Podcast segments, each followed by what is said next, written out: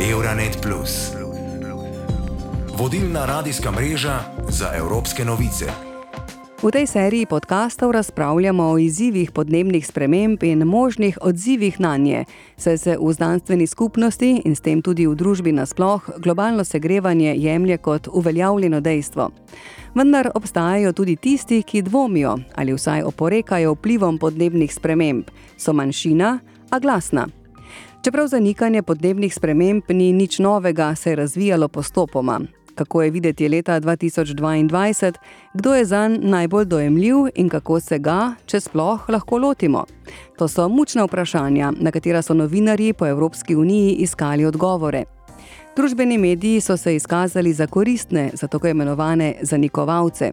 Ponudili so jim globalno platformo in možnost, da s klikom dosežejo milijarde ljudi, ne glede na to, ali je njihova taktika selektivna in uporaba dejanskih podatkov zavajajoča ali gre za kampanjo dezinformiranja. Toda kdo tam zunaj namerava izkrivljati znanstvena dejstva in širiti lažne novice? Jasno je, da velike družbe, pravzaprav celotni sektori, želijo zaščititi svoje finančne in poslovne interese.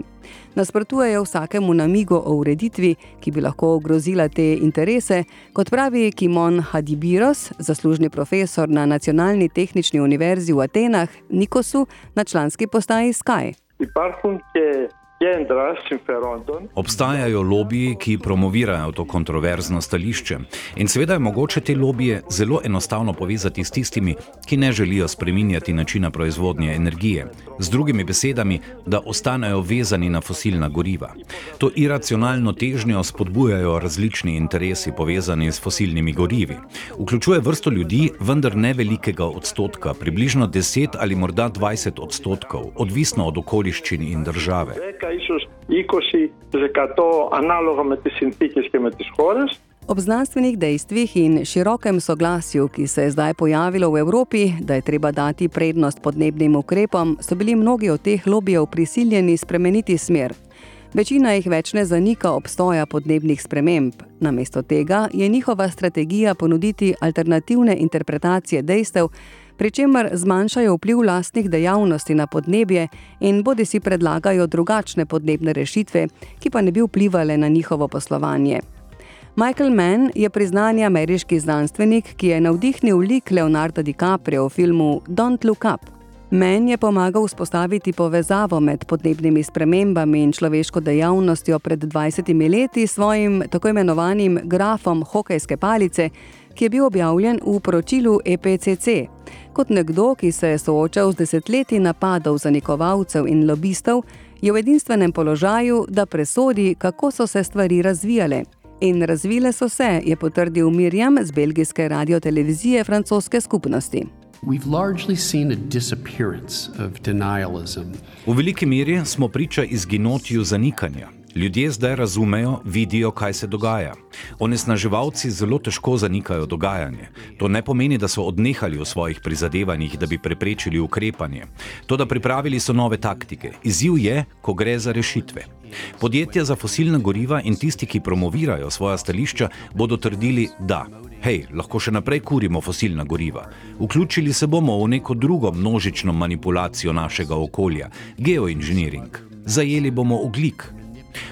To je zelo težko narediti. Zelo težko si je predstavljati, da bi to naredili v takem obsegu.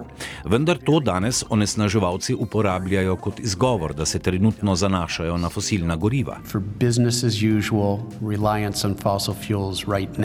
Doktorica Alenka Zupančič, filozofinja, znanstvena svetovalka in profesorica na Slovenski akademiji znanosti in umetnosti, se z menovo analizo strinja. Eh, in sicer se mi zdi, da v zadnjem času ne moremo niti reči, več, da so zanikovalci, ti direktni zanikovalci sprememb, glavni problem. Eh, seveda obstajajo, ampak jaz mislim, da je veliko bolj perfidna in neka oblika zanikanja, ki ni direktna.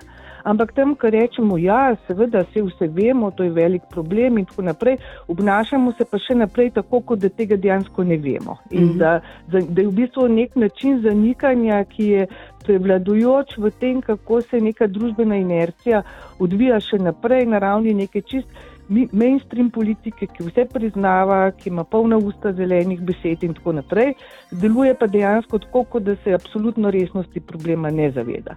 In, uh, tako, in potem pa seveda s prstom kaže na tiste malo čtekane zanikovalce, češ mi pa nismo taki, mi pa mhm. delujemo drugače, smo racionalni, se zavedamo problema.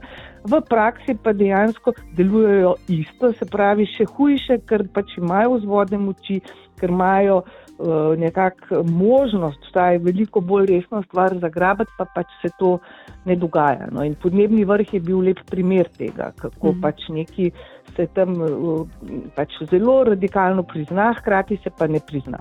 Zdi se, da je Portugalska manj prizadeta zaradi zanikanja podnebnih sprememb. Kako to je Kristina z javnega portugalskega radia vprašala Luiso Schmidt, eno prvih okoljskih sociologin v državi, ki meni, da sta v igri dva dejavnika: Dejstvo, da ta gibanja ne pridajo v sfero javne razprave na portugalskem, in pa veliko zaupanje portugalcev znanstvenikom.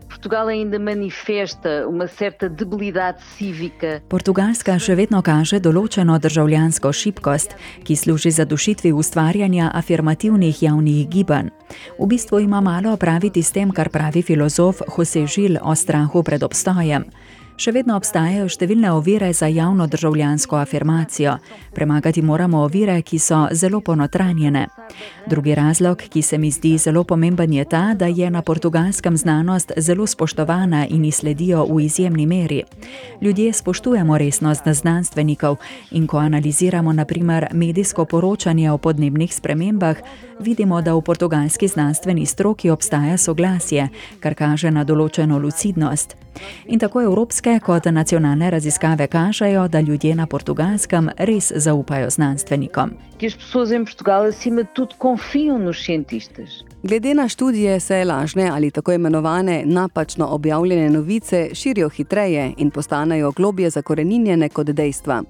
In z dvema tretjinama povezav na Twitterju do priljubljenih spletnih mest, ki naj bi jih ustvarili avtomatizirani računi, so dezinformacije in napačne informacije očitno grožnja demokraciji in socialni koheziji. Torej, kako se tega lotiti? No, Bruselj je razvil vrsto pobud. Primer je kodeks ravnanja o dezinformacijah za industrijo, vključno s spletnimi platformami, ki določa vrsto samoregulativnih standardov.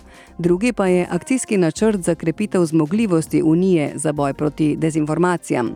Femke Nise je stara 29 let, doktorirala je iz matematike v znanosti o podnebju in trenutno opravlja postdoktorsko študijo energetskega modeliranja na Univerzi v Eksterju v Združenem kraljestvu. Skupaj z ekipo mednarodnih prostovoljcev veliko svojega prostega časa namenja popravljanju napačnih informacij o podnebnih spremembah na Wikipediji. Mirjam z belgijske radio-televizije francoske skupnosti jo je povprašala več o tem nenavadnem hobiju. To je izredno zabavna dejavnost in tudi precej zasvoji. V glavnem urejam članke o podnebju na Wikipediji in tudi članke o energiji, kar mi vzame od 10 do 15 ur na teden. Večino dela skušam znanost, ki jo poznam, postaviti v Wikipedijo in znanost, ki je zastarela ali napačna, odstranim z te strani. Obstajajo pa tudi ljudje, ki želijo Wikipedijo uporabljati za svoje interese, ki objavljajo dezinformacije ali celo dezinformacije na Wikipediji. Imate podnebno zanikanje, kar je problem, še posebej na neangliški Wikipediji. Imate pa tudi podnebne aktiviste, ki lahko napačno razumejo znanost in to objavijo na Wikipediji. Toda medtem, ko je Femke Nise strokovnjakinja na svojem področju in ve, na kaj je treba paziti, kako pa lahko ostali prepoznamo, kdaj je nekaj, kar beremo in slišimo o podnebnih spremembah, napačno ali zavajojoče. Stefano Časerini je z Giulio z Radia 24 delil nekaj nasvetov. Lahko rečemo, da če je nekaj res v nasprotju s tem, kar znanstvena skupnost pravi o podnebju, potem bi morali v to dvomiti. Vendar le gre za več kot 30 let študija podnebnih znanosti na najvišji ravni v vseh najpomembnejših raziskovalnih laboratorijih na svetu. Morda se ne motijo vsi znanstveniki, vsi strokovnjaki, ampak je vaš vir tisti, ki vam pove nekaj, kar ni pravilno. Zato morate najprej preveriti, koliko se novica razlikuje od znanstvenega soglasja in iz velike večine stališč znanstvenikov. Nismo več v 18. stoletju, ko je znanost napredovala po zaslugi iznajdljivih spoznanj enega samega znanstvenika in je ta premaknil stvari naprej. Danes napredek dosežemo postopoma, dan za dnem, z izboljšanjem že zelo konsolidirane slike. Druga pomembna stvar je ugotoviti, kdo ali kaj je vir. Ali gre za strokovnjaka za podnebje, ki dela v Centru za podnebne raziskave in ima na desetine znanstvenih objav, informacije na to temo in veliko izkušenj. Primarnega pomena je znanstveno usposabljanje, kvalifikacije tistih, ki zagotavljajo informacije. Eh, Ključno sporočilo je torej: ne verjemite vsemu, kar preberete, in vedno preverite svoje vire. In če res niste prepričani o točnosti določene novice ali podatkov, si oglejte uradno spletno mesto za preverjanje dejstev. Morda pa so tam novico že preučili na mesto vas. Euronet Plus za boljše razumevanje Evrope.